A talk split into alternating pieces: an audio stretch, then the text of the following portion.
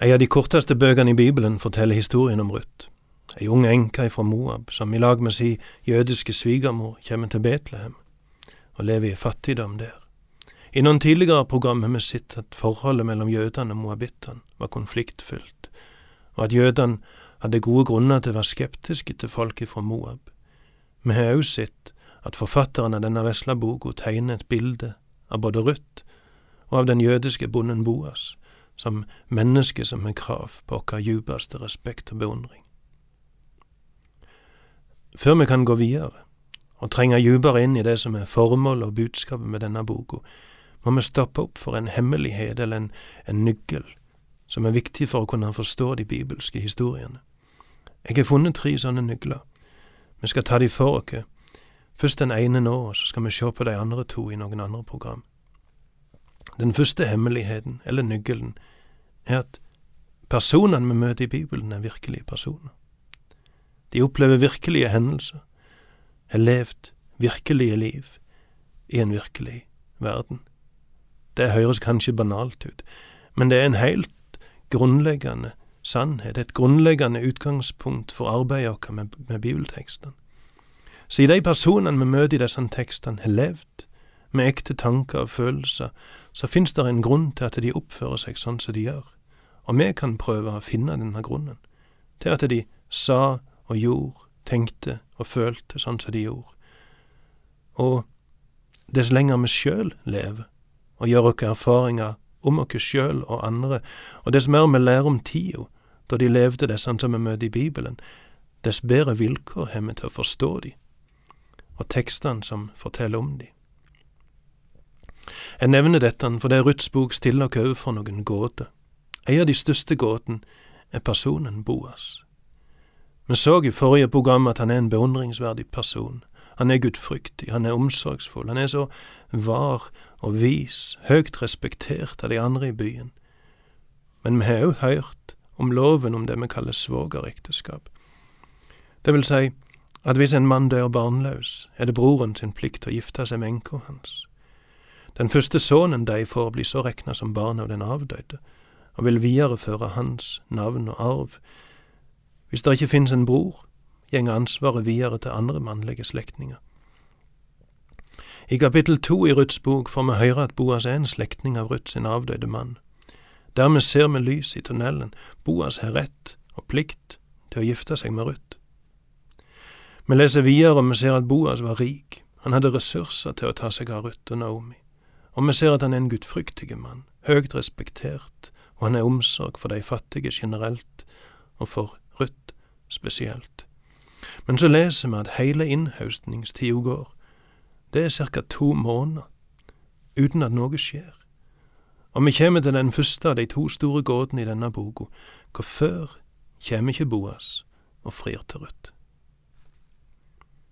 Etter loven har en både rett og plikt til å ta seg av Ruth, gifte seg med henne og videreføre den avdøde sitt navn, så hvorfor kjem du ikke, Boas? Hvorfor går du der og sier konsekvent mi dotter til Ruth? Hvorfor inntar du farsrollen når vi venter på at du skal fri til henne? Vi kunne kanskje forstått det hvis du sjøl var fattig, eller uten respekt for Gud og Hans lover, eller uten omsorg for de svake i samfunnet, men sånn er ikke du, Boas. Boas er ei gåte og vi kan prøve ulike svar. Var det manglende respekt for loven om svogerekteskap? Eller skyldtes det at han ikke ville eller ikke kunne ta seg ei moabittiske kone? Eller var han kanskje redd for at hun skulle svare nei? Hvorfor kommer du ikke, Boas? Her gjenger det ei unge og fattig enke, som vinner både okka og alle andre sin respekt med sin sjeldne kombinasjon av mildhet og styrke, sin trufasthet imot svigermor, sin ydmykhet, sitt kompromissløse brudd med hedningeverdenen som hun kom ifra, og sitt valg av ei uvisse framtid i lag med Guds folk. Og her gjenger den velstående, gudfryktige, vennlige og respekterte mannen Boas, som er en slektning av Marlon, Ruth, sin avdøde mann. Hvorfor kommer du ikke på døra deres, Boas? Hvorfor tar du ikke på deg det ansvaret som loven legger på deg? Hvorfor frir du ikke til henne, som vi ser at du har fått sånn en godhet for? Var det manglende respekt for loven om leviratekteskap eller, eller svogerekteskap? Nei, det kan det umulig være. For Boas var av juda stamme, og i starten av denne stammen sin historie skjedde det noe som må ha prega alle etterkommerne. Vi leser i første Mosebok kapittel 38 at Juda fikk tre sønner. Den eldste, som heter Er, gifta seg med ei kvinne som heter Tamar, men Er var en ond mann, og Gud let han dø. Bror hans, Onan, gifte seg da med Tamar, men Onan ville ikke gi den avdøde bror sin etterkommere, så når han lå med Tamar, spilte han sæden sin ut på jorda. Dette var et svik imot både henne og imot broren, imot Gud og lovene som han hadde gitt, til beste for alle, og Gud straffte Onan ved å la han dø. Nå hadde to av Judas sine sønner dødd. Han hadde en sønn til, men han var ennå for ung til å gifte seg, og derfor sendte Juda Tamar, svigerdattera si, heim til henne egen familie, i påvente av at den yngste sønnen skulle bli gammel nok til å gifte seg.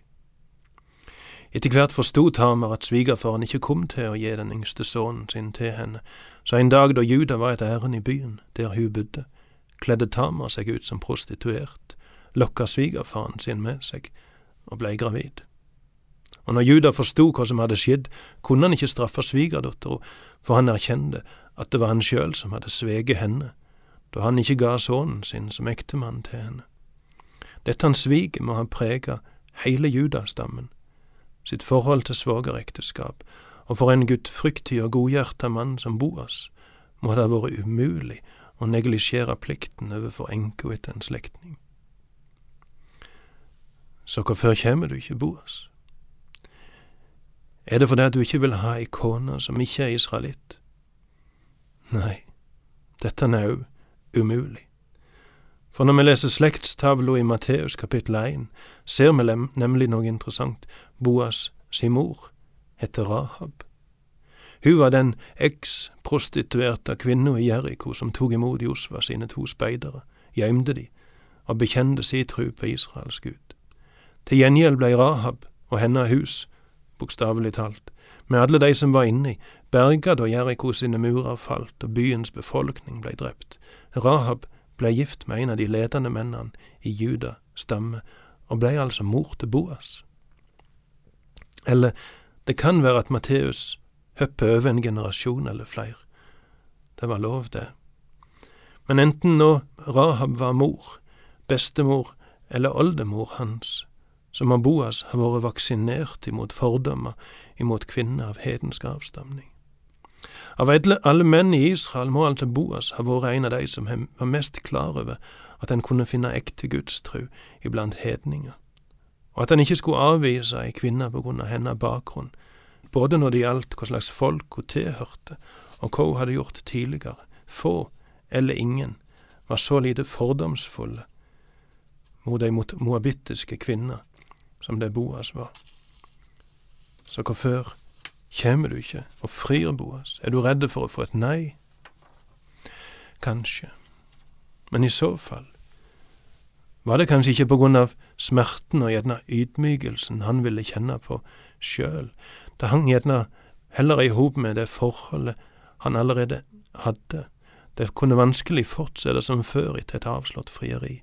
Hvis Boas frykta et nei, var det kanskje for å ikke ødelegge den tryggheten som han kunne gi Ruth. Vi veit ikke. Men vi ser at Boas er opptatt av å gi Ruth en følelse av trygghet. Vi ser det av at han ikke bare nekter folk å være ufine mot henne, men sjøl kaller henne konsekvent mi datter. Ved å bruke dette uttrykket markerer han både en nærhet og en avstand, og gjør det klart for Ruth at han vil respektere denne grensa, denne avstanden. Likevel, hvis når den rike bonden hadde kommet på friaffær til Naomi og Ruth, ville svaret med overveldende sannsynlighet blitt ja. Det var så mange grunner til at Ruth skulle si ja. Naomi ville ha prøvd å overtale henne, vil jeg tro. Hun nevner jo tidlig at Boas er en av løserne deres. Ordet løser eller løysingsmann sikter til en som ifølge loven om svogerekteskap har ansvar for å gifte seg med den barnløse enka etter slektningen sin. Boas kunne ha gitt de økonomisk trygghet. Han var en god, omsorgsfull, gudfryktig, respektert mann. Ruth hadde nærmest en plikt til loven om svogerekteskap, til å akseptere et frieri fra han. Loven nevner ikke engang, så vidt jeg husker, muligheten for at ei enke ikke ville ha broren til sin avdøde ektemann. Hvor enka vil, er ikke et tema. Svaret vil nesten helt sikkert bli ja, Boas. Så hvorfor kom du da ikke? Og svaret gir han sjøl. Han rekna med at Ruth kanskje heller ville ha en yngre mann. Derfor kom han ikke.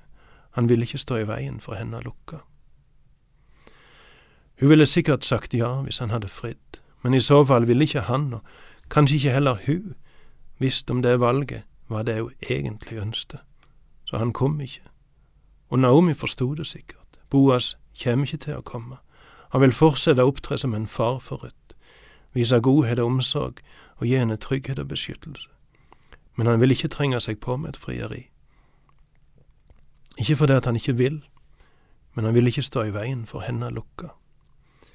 Vi ser at Boas ikke regner seg sjøl som ung, kanskje var han rundt 50 år. Ut ifra det vi leser, må vi gå ut ifra at han var ugift og barnløs. Kanskje var han enkemann, eller det kan hende han aldri har vært gift.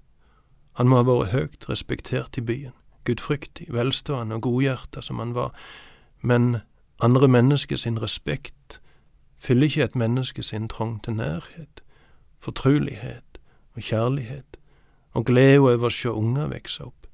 Han har nok lengta etter dette til liks med så mange andre, men når sjansen byr seg, så avstår han ifra å bruke posisjonen sin, pengene sine, og de føringene som loven ga, til å overvelde eller overtale Ruth til å gifte seg med han. Han holder seg på avstand ved å kalle Ruth for dotter mi.